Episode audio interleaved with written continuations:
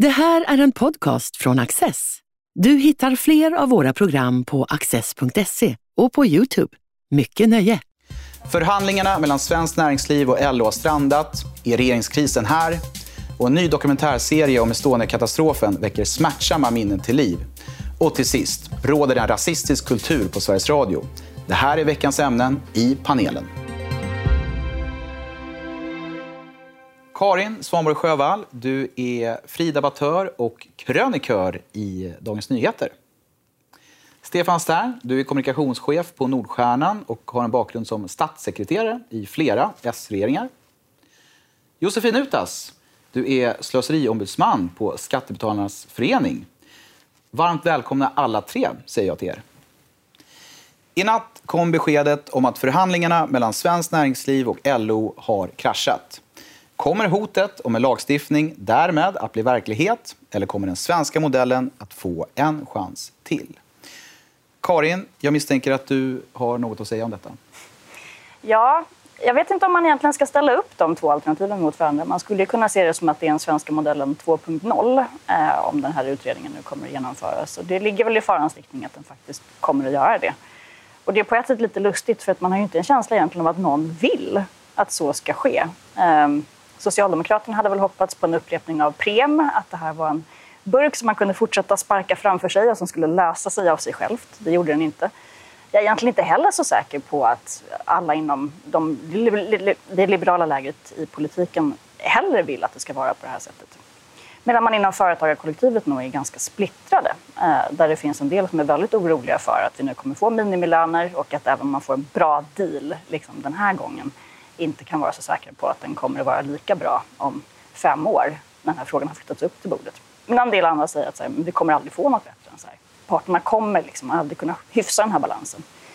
Um, men totalt sett så, så, tycker jag ändå att det mesta pekar på att Miljöpartiet inte kommer få som de vill. Det kommer nog inte bli eh, ytterligare tidsfrister, utan nu blir det skarpt. Och då kanske också en regeringskris.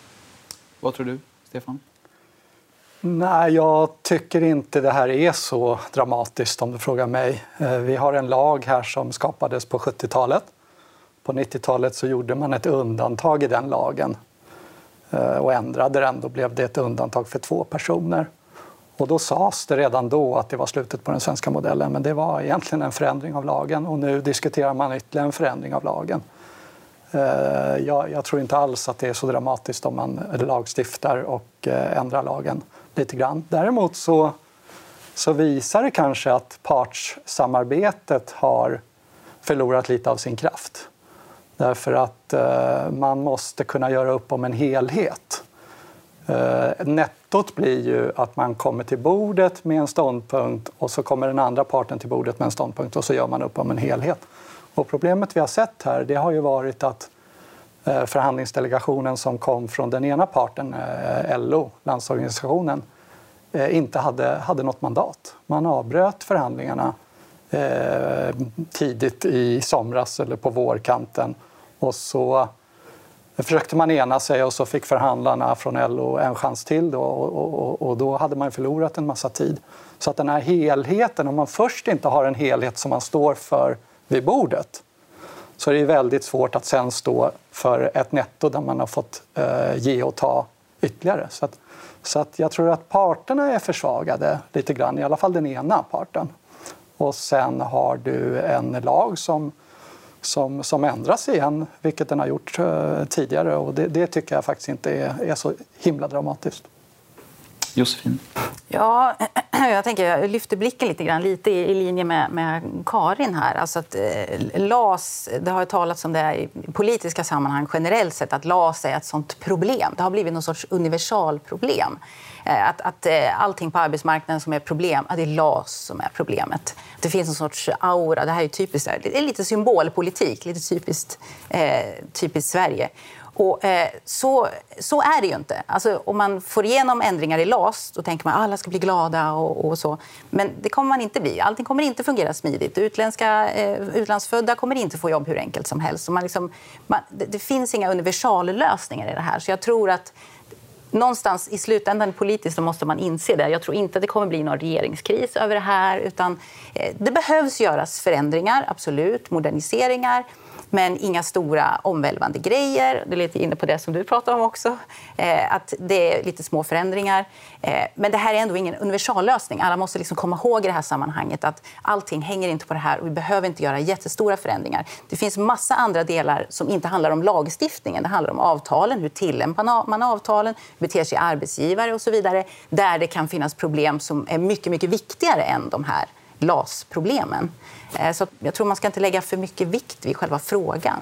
Generellt. Då måste jag nog nästan invända ändå, för jag tycker att det, det finns ju något principiellt viktigt i den här frågan som handlar dels om vilken typ av ekonomi vi lever i. Det är i alla fall vad arbetsgivarna säger. Att I en tjänsteekonomi så blir just frågan, kanske inte så mycket om turordningsreglerna som om det här på vilka, på vilka grunder man kan säga upp människor, extremt viktigt. Alltså just det här med att man själv som företag har möjlighet att välja vilken kompetens som finns i ett företag är det som avgör om man överlever eller inte.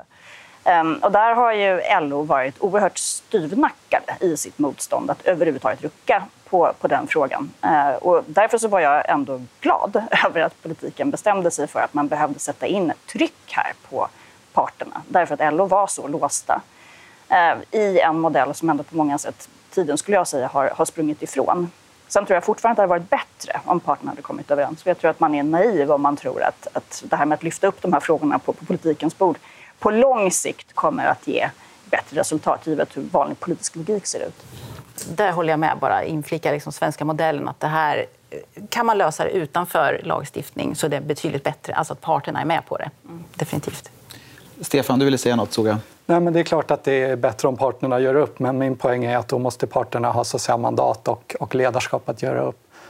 Eh, och det, hade, hade inte, det, det höll inte i, i det här fallet. Eh, jag tror att allmänintresset här eh, är ju att vi har en föråldrad lagstiftning. Vi har ju en situation sedan 70-talet som har inneburit enorma samhällsförändringar på alla områden, såklart också inom arbetslivet. Det är ju givet att man, man måste modernisera och ändra saker och ting i takt med tiden. Men det som ligger i potten här för den ena parten det är ju att just den här lagstiftningen från 70-talet ger incitament att vara med i deras organisation. Eh, det ger dem en hävstång att få inflytande över andra saker på alla arbetsplatser och du får ett incitament att, att man ska vara medlem. För att om facket har hand om turordningslistan vid uppsägningar så eh, finns nog tanken där att man borde vara med i facket så att man inte hamnar på fel kolumn i listan. Så det är ju därför den här frågan sitter så djupt. Men då tycker jag, då får man göra som vanligt. Man får ställa sig frågan, är det rimligt att det kan vara så att den lagstiftningen från 70-talet är, stämmer överens med den globalisering, digitalisering, urbanisering, förändringen av hela arbetsmarknaden som har skett. Är det rimligt? Kan det vara så? Kan det vara så att det här är den enda punkten Eh, som har stått sig över tid. Och då tror jag man kommer eh, fram till ganska snabbt att, att så är det förstås inte. Och eh, nu har vi 600 000 arbetslösa som väntar runt hörnet. Det är på väg dit. Jag tror att det är ungefär 500 000 i, i de här permitteringsstöden, även om det är svårt att få bra statistik på det. Det är klart att allmänintresset här är att vi behöver en modernare lagstiftning. Och hade det varit bättre om parterna hade kommit överens om den? Självfallet, men nu gjorde de inte det. Vi ska strax runda av, men eh, innan vi gör det så skulle jag fråga alla tre. Eh, vad tror ni risken är för en regeringskris? Ja, jag tror nog ändå att den finns där. Därför att det finns tillräckligt många intressen som har just ett intresse i att det blir en regeringskris. Eh, och Socialdemokraterna sitter i en ganska hopplös situation där man å ena sidan har skickat ut direktiv till en utredning som sen har genomförts i enlighet med de direktiven. Eh, men som väcker såna enorma konversioner inom arbetarrörelsen att man säger att Nej, men den här, så här kan vi inte ha det. Eh, och Vänsterpartiet har ju också varit väldigt tydliga med att de faktiskt också är beredda att, eh, att, att spräcka den här regeringen på den här frågan. Då å andra sidan så behöver ju Moderaterna också vara med. Och jag är inte övertygad om att Moderaterna kommer att vilja spräcka regeringen på den här frågan. Dels därför att de fattar att även om de skulle lyckas med det så ska ju de också ha någon typ av mandat för att kunna regera vidare själva sen. Eh, man kommer tappa mycket trovärdighet på att spräcka en regering på en fråga där man egentligen tycker precis som eh, samarbetspartierna. Så jag tror, inte, jag tror inte att det är givet. Men eh, om jag hade varit till exempel Nyamko Sabuni så hade jag nog exempelvis möjligen hoppats på eh, att det här ska bli en sån konflikt. Därför att hon behöver ett skäl för att kunna ta sig ur det här avtalet rent legitimt. Och då är det bättre att Socialdemokraterna att Socialdemokraterna spräcker löftet än att hon gör det. Nej, men jag delar i mångt och mycket den uppfattningen. Det är inte helt eh, otänkbart alls att det blir en regeringskris. Eh, det finns ju tre processer som kan leda till en regeringskris. Den ena är att eh, Centern och Liberalerna motiverade eh, sitt stöd till en S-statsminister med 73 punkter varav den här punkten där det står att om parterna misslyckas så ska eh, utredningen bli, bli eh, eh lag. Eh, den var ju en av de viktigaste. Så det är klart att det blir väldigt svårt för dem eh, om de så att säga, redan har skickat fakturan och sen förklarar varför den inte längre gäller för att eh, den ena parten, mottagaren av, av fakturan, tyckte att det var besvärligt. Det andra är ju det parlamentariska. Att eh, de två flankpartierna enas och så eh, är det då Moderaterna och KD som såklart skulle begå tjänstefel om de inte åtminstone undersöker möjligheten här att, att ändra regering. Man kan ju få både och kanske, det vill säga både förändringen och eh, den andra processen också. Men det tredje är också eh, S egen process. Eh, för att man ska komma ihåg att när det här blir skarpt nu och även om LOs ordförande har suttit i VU sedan 2017, tror jag, den nuvarande, alltså den nya, och godkänt januariöverenskommelsen. Men när det här blir skarpt nu så utesluter inte jag att eh, S kanske inte riktigt eh, pallar med och står fast vid överenskommelsen. Så absolut kan det bli regeringskris, men av flera skäl än ett. Slutord, Josefin. Ja, jag är nog inte lika övertygad, eller övertygad om att det blir regeringskris. Men, men nej, jag tror inte san, sannolikheten är så stor för det. Jag, jag, tror att man försöker undvika det in i det sista. Och hur exakt det kommer att gå till, det vet jag inte. Personligen hoppas jag att det ges lite mer tid till parterna att, att försöka lösa det här. Eh, det skulle behövas. Men nej, jag, jag tror inte det. Eh, ja, fortsättning följer i det här dramat. Och med det så går vi vidare till veckans andra ämne. Estonia-katastrofen är och förblir ett öppet sår i den svenska historieskrivningen. I en dokumentärserie på Dplay väcks smärtsamma minnen till liv då nya uppgifter om en fyra meter lång reva i skrovet presenteras. Är fynden tillräckliga för att resa krav på en ny utredning eller bör regeringen låta saken bero? Stefan, vad är dina tankar?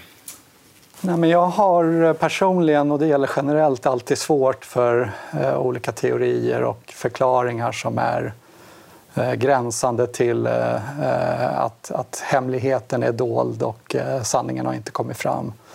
Eh, ett långt liv har lärt mig att eh, det är ofta inte alltid de här eh, teorierna som är eh, det som är korrekt. jag noterade här att de finländska experterna som ingick i dåvarande haverikommissionen eh, säger att dels borde ju vittnen ha hört den här enorma smällen för att skapa fyra meters långt hål i sidan på den här eh. Eh, och dels så, så, har promen, eller skeppet har rört sig på botten och det finns naturliga förklaringar. Men det är min personliga uppfattning. Innebär det att jag är emot att man tittar på det här en gång till i någon form? Inte alls. Eh, jag tror att eh, det är väl bra att titta och, och, och gå igenom det här ordentligt så att, det, så att inte det växer fram olika konspirationer. Det skulle jag göra. Jag tror att det är rätt, rätt väg att gå. Att man, man vrider och vänder på det och tittar på det. Vad tänker du, Josefin? Ja, jag kommer lite grann min ingenjörsmässiga sida fram. Alltså, man har ju gjort, eh, antar jag, jag förutsätter det, alltså, när det gäller sånt här nationaltrauma, en stor olycka, en ordentlig genomgång av allting, inklusive skrovet. Alltså, det finns ju, även om det nu har legat dolt och så, så finns det ju eh, olika typer av tekniker att analysera liksom indirekt. Du kan se sådana där stora skador som fyra meter i skrovet det borde man ha sett tidigare. Men då, eh, jag hörde ju Statens haverikommissions utredare där säga att ja, men vi ska nog titta på det här. Och jag, jag förutsätter att om de faktiskt har tittat på det redan borde han ju säga det. Men det kanske är så här att de, de, de, måste titta på det en gång till för att de som har frågor nu eh, ska, ska, kunna få ro att, att eh, man bekräftar att det kanske fanns förut eller att det kan ha bildats efteråt. och Så Så jag, jag förstår liksom om de, de vill titta på det. Men, men generellt sett att, att gräva i såna här gamla eh, frågor, det är bra till slut att liksom låta dem bero. Att man, man gör utredning ordentligt från första början och det förutsätter jag har gjorts. Och, och, då får det liksom vara nog. Om det inte kommer fram väldigt stora saker. Då. Men det här förstår jag inte riktigt hur det kan vara en stor ny sak. Det borde man ha sett förut. Karin? Jag, jag, tycker absolut att man borde göra en ny utredning. Dels därför att det ändå har framkommit en sån oerhört hård kritik mot den första haverikommissionen, alltså rent tekniskt, både kring partssammansättningen, kring vilka som var inblandade, men också kring att man så väldigt snabbt kom fram till en slutsats. Alltså redan dagen efter så hade man slagit fast vad det var som hade hänt och sen så ägnade man tre år åt att, att, att säga, försöka hitta belägg för den. Det är i alla fall den kritik som har framkommit. Jag vet inte, jag är liksom ingen expert på det här ämnet, men det är helt uppenbart att den första haverikommissionen misslyckades med det som egentligen var huvuduppdraget, nämligen att, att just sätta punkt. Alltså att, att, att sätta, sätta punkt för, för det här traumat för de anhöriga och att sätta punkt för, för liksom den flora av konspirationsteorier som nu finns. Eh, så bara det tycker jag är ett ganska starkt skäl ändå för att man faktiskt ska tillsätta en ny utredning. Därför att de här uppgifterna är så pass sensationella och har rivit upp så många sår Eh, att jag tror att, att det här kommer liksom bara fortsätta växa och fortsätta vara infekterat ifall man inte gör en väldigt grundlig ny utredning. Ehm, sen bör man förstås sätta punkt för den. Ehm, men, men nu är liksom anden ur flaskan. Är det lite olyckligt att, att när, när sådana här katastrofer händer och, och det finns så att säga eh, oklarheter så, så blir det ju lätt frodas i konspirationsteorier. Vi, vi har ett annat nationellt trauma, mordet på statsminister Olof Palme Eh, och Estonia. Att, att, eh, så att säga, de personer som så att säga, gillar konspirationsteorier och frossar i det eh, blandas ihop med de personer som har legitima eh, liksom frågor kring vad det var som egentligen hände. Eh, vad tänker ni kring det? Nej, men det, är väl en, det är ju en väldigt effektiv stoppboll eh, att, att säga att där, det är konspirationsteorier eftersom det också förekommer en del som framstår som rätt vilda. Det finns ju liksom ubåtar eller att man skulle ha sprängt bort bogvisiret på botten för att kunna då bekräfta eh, slutsatsen att det var det som var orsaken till haveriet. Um, och det ska man kanske inte tro så mycket på. Men det har ju ändå framkommit en hel del uppenbara felaktigheter i den första utredningen. Och då är det ju, tror jag, ändå ganska viktigt just att man inte är för rädd för att bli anklagad för att vara en haverist eller en konspirationsteoretiker. Att man struntar i att utreda det, därför att det här var en katastrof. 500 svenskar dog. Det var 831 personer totalt sett som, eh, som berördes under den här natten. Eh, det i sig är så att säga, en storleksordning eh, som är så stor att, att jag tycker att det vore oansvarigt att inte, att inte titta på det. Och sen att det kommer finnas liksom, foliehattar och människor som, som kommer att läsa in allt möjligt i det här, det, det är så att säga ett, ett tragiskt faktum. Men nog faktiskt ett faktum som man måste bortse ifrån. Eh, jag, jag tänker att, att, eh, det kan ju komma fram nya saker hela tiden. Men att man kan inte hela tiden hänvisa till en dålig utredning från första början. Och, och det är anledningen till att man hela tiden sen river upp den här saken. Någonstans behöver man ju dra ett streck. Liksom. Det, det, kan inte vara anledningen, en dålig utredning från början, att man aldrig drar ett streck. Så det blir ju en form av utdraget lidande också att hela tiden riva upp det här och säga att nu ska vi titta på det igen, för vi litar inte på ursprungligen, nu ska vi riva upp det igen. Eh, någonstans måste man dra ett streck. Palmemordet är en bra liknelse. Liksom. Det, det, kan man ju fortsätta med i hundra år till om man inte drar ett streck någonstans. Därför att det har begåtts fel under vägen. Men det kan inte vara anledning till att man drar på det hur länge som helst. Stefan? Nej, men det är en komplex situation. Det är den här katastrofen som Karin var inne på. Men du har ju också redan från början haft flera inblandade länder med lite olika ingångar i det här. Du har haft anhörigföreningar som har tyckt olika ända från början. Du har dels haft de som har velat ha det här som en värdig gravplats och velat få ro i det.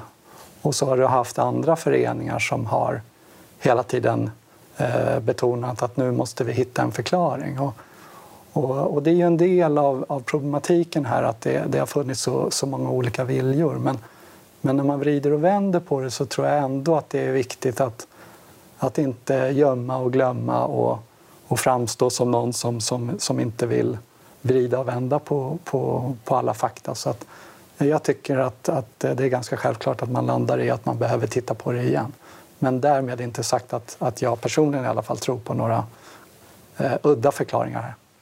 Man ska också komma ihåg att det nu plötsligt har blivit en utrikespolitisk fråga eftersom den eh, estniska regeringen har gått ut, måste jag säga, överraskande hårt i det här. Alltså, det är inte vardag man ser Stefan Löfven behöva liksom börja ett svar på frågan så här, den svenska regeringen har inte ljugit. Um, så det finns ju också diplomatiska skäl till att man inte bara kan sopa det här under mattan utan att egentligen oavsett vad man tycker om själva sakfrågan så måste man hantera den. Gissningsvis har det blivit en stor inrikespolitisk diskussion i, i Estland. Men, men det innebär inte att vi kan två våra händer. Vi får se hur den här historien utvecklar sig. Eh, och med det är det dags att gå vidare till veckans tredje och sista ämne. Genomsyras Sveriges Radio av en rasistisk kultur? Det menar i alla fall 39 medarbetare i ett upprop i Dagens Nyheter. Några av anklagelserna som förs fram är att redaktionerna inte representerar hur samhället ser ut och att medarbetare med en annan hudfärg än vit har blivit osynliggjorda. Är kraven som förs fram rimliga eller är de ett uttryck för politisk aktivism? Vad tänker du, Josefin? Jag tror att de som framför det här uppropet de eh, tycker tycker så här som de framför. Men eh, då ska man tänka på att de, de verkar i en sån miljö som också har på något sätt drivit fram det här tankegodset kring identitetspolitik och, och eh, liksom postmodernism. Eh, där det handlar om att se människor för olika identiteter och så vidare. Det var ju som Silla Bänke sa när hon pratade om det här, att när det gäller deras rekrytering, att de rekryterar också enligt etnicitet och, och sådana eh, faktorer. Eh, så att det, här, att det kommer upp just på public service är inte någonting konstigt, därför att det är någonting som man håller på med inom public service och talar om, uppenbart, då, som Silla Benke talade om. Men jag tycker att det är intressant det, det som har följt efter det här, alltså just hennes uttalande om det här med rekrytering och så, att hon efter att hon har sagt det, eh, som, som är nog bara det som hon brukar framföra eh, i olika sammanhang, det är liksom, man känner igen public service i det, Eh, så har hon behövt att backa och förklara och, sådär. Det är som att, att, man har lyft fram någonting och synliggjort någonting när man skriver det i skrift och så här, som försigkommer, men det blir liksom lite annorlunda när man lyfter fram det i ljuset.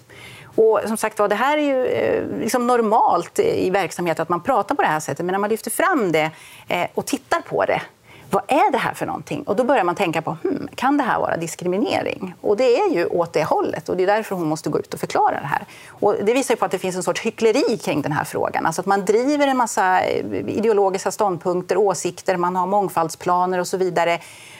Men sen när man ska gå till praktik, då är det plötsligt inte lika bra längre. Så vem är det egentligen som vill ha det här? Och varför ska vi då ha eh, de här mångfaldsplanerna och den ideologin i verksamheterna och bygga på det om vi liksom inte vill driva den? Ja, varför Karin? Ja, det är en mycket bra fråga. Alltså det, finns ju, det finns ju en lite lustig dubbelhet kan man tycka i det här upproret. Med att å ena sidan så, eh, så säger man att, att det är ett problem att det finns mycket rasism i den, inom den här organisationen. Eh, samtidigt som många av de så att säga, Eh, de anekdoter eller berättelser som har använts för att stärka det påståendet har ju handlat om, om personer som, som å ena sidan vill ha mer av en, så att säga, en kvotering och å andra sidan blir oerhört kränkta över att när man säger att det finns vissa kompetenser som kommer med att man har en annan bakgrund. När människor utgår från att det är på det sättet så är det också rasism. Så det verkar på något sätt vara en, en kamp som ingen riktigt kan vinna. Men jag tycker annars att det nästan mest intressanta med den här historien är ju att frågan är Sveriges Radio en rasistisk organisation? Nog, alltså nästan rättsligt skulle kunna prövas. Nu har ju både um, Mårten Schultz, som är professor i juridik, har varit ute och sagt att, att om Silla Bänke menar allvar med att de rekryterar, ibland på grundval av etnicitet, ibland på grund av socioekonomiska förutsättningar och så vidare, så är det förmodligen ett, ett brott mot internationella konventioner som går längre än svensk diskrimineringslagstiftning. Och jag tror att eh, Gunnar Strömmer, Moderaternas partisekreterare, har ju sagt i princip samma sak. Att man, man får faktiskt inte rekrytera på det här sättet. Det är olagligt. Um, så det skulle ju faktiskt kunna bli ett rättsligt efterspel av det här. Nej, men det är alldeles klart, man får ju inte diskriminera på oavsett grund. så att säga. Det kan vara goda intentioner om man nu eh, anser det, men det kan också vara andra skäl. Det, det får man inte göra. Och att Eh, Eh, börja dela in eh, människor i, i kvoter och grupper och, och, säga att man ska representera eh, den gruppen. Det är dessutom principiellt väldigt eh, tveksamt. Det är ju inte bara lagstiftningsfråga utan som individ så har du ju en inneboende kraft och en kompetens och perspektiv som, som beror på dig, hennes eget perspektiv. Och det är inte så att du kan byta ut henne mot en, mot en grupp eh, bara för att du tillhör en viss etnicitet, kön eller sexuell läggning eller någonting. Eh, det är ett sluttande plan. Så att, eh, jag tror Sveriges Radio har problem här på flera olika sätt och eh, de behöver nog reda ut det. Om jag ska vara lite konträr då och säga så här att en bra redaktion borde ju bestå av olika, alltså personer med olika perspektiv och liksom, ja, olika bakgrunder som kan då liksom komma med, med nya idéer till, till eh, redaktionsbordet. Är det, vad är det som är så fel då med det här upproret? Då? För det är väl det de är ute efter, att de vill ha en mångfald av. Ja, vad är det den här mångfalden består i? Ja, men jag tycker vi ska återkomma till det här med representationstanken. För det är lite det som de är inne på också. Att de har fått frågor på grund av sin bakgrund eller hudfärg och så har ju varit i, i upproret, uppropet. Eh, och, och, då kan man undra, så här, när man talar om representation, vad menar man då? Alltså när man säger att man vill ha representation, eh, i kommunerna till exempel så finns det massvis av kommuner som har mångfaldsplaner där de säger att de vill representera, eller eh, alltså det, personalen ska spegla befolkningens, eh, hur, hur, befolkningen ser ut, tjänstemännen. Eh, och, och, då kan man fråga sig varför. Eh, varför ska tjänstemännen representera? När du kommer till en kommun, du söker bygglov och så vidare, då vill du få bygglovet löst. Det handlar inte om att du ska se samma hudfärg där. Alltså vi måste problematisera den här representationstanken, för där går det fel. I de här mångfaldsplanerna så står det att eh, ja, vi ska rekrytera eh, liksom, så att befolkningen representeras. Men samtidigt så ska vi eller rekrytera utifrån kompetens. Och de här det går inte mot, alltså, de går mot varandra. Det är ologiskt. Men man ser inte det här ologiska. Alltså man måste gå lite djupare till vad betyder det här egentligen? Vad är det man vill för någonting? För det, det är inte logiskt. Det går inte ihop. Jag, jag, tror att det är alldeles utmärkt att man som redaktion tänker i termer av sammansättning av, av erfarenheter och sakkompetenser på olika sätt. Så det, det, är liksom inte det det här handlar om egentligen. Jag, tror, jag skulle nog kunna instämma till och med att det nog är ett problem att, att, liksom att journalistkollektivet som sådant är ganska homogent och att det finns, kan, verkligen kan finnas anledning att fundera på hur man får in fler perspektiv. Men frågan är ifall de sitter så att säga, i pigment. Um, och också apropå det som, som Josefin sa nu, att det som händer när man går från de här deklarationerna som det är ganska lätt att instämma i kring att det är viktigt med mångfald och att pluralism är bättre än enfald Eh, är ju att det blir snabbt ganska otäckt när man börjar liksom gå in på metoden för hur det här de facto ska göra. Och det gäller ju allt från Sveriges Radio till när man pratar om en liksom etnisk sammansättning i skolan. Okej, ska vi ha etnisk registrering? Vill vi verkligen det? Jag tror att Gunnar Strömmer just lyfte det i, i sin artikel när han drev ett diskrimineringsmål mot Uppsala universitet. Ehm, just att i praktiken det som hände var ju att till exempel samer eller romer som var födda i Sverige och som var svenska medborgare eh, fick ju liksom en nackdel då kontra personer som kom någon annanstans ifrån. Så att man ställer grupp mot grupp på ett sätt som dels är principiellt väldigt problematiskt men som också får väldigt konstiga praktiska konsekvenser. Och det får avsluta eh, det här avsnittet av panelen. Det var jätteroligt att ha er här och tack för att ni har tittat. Du har just lyssnat på en podcast från Access. Du vet väl att vi också är en tv-kanal och tidning? Teckna en prenumeration idag på access.se.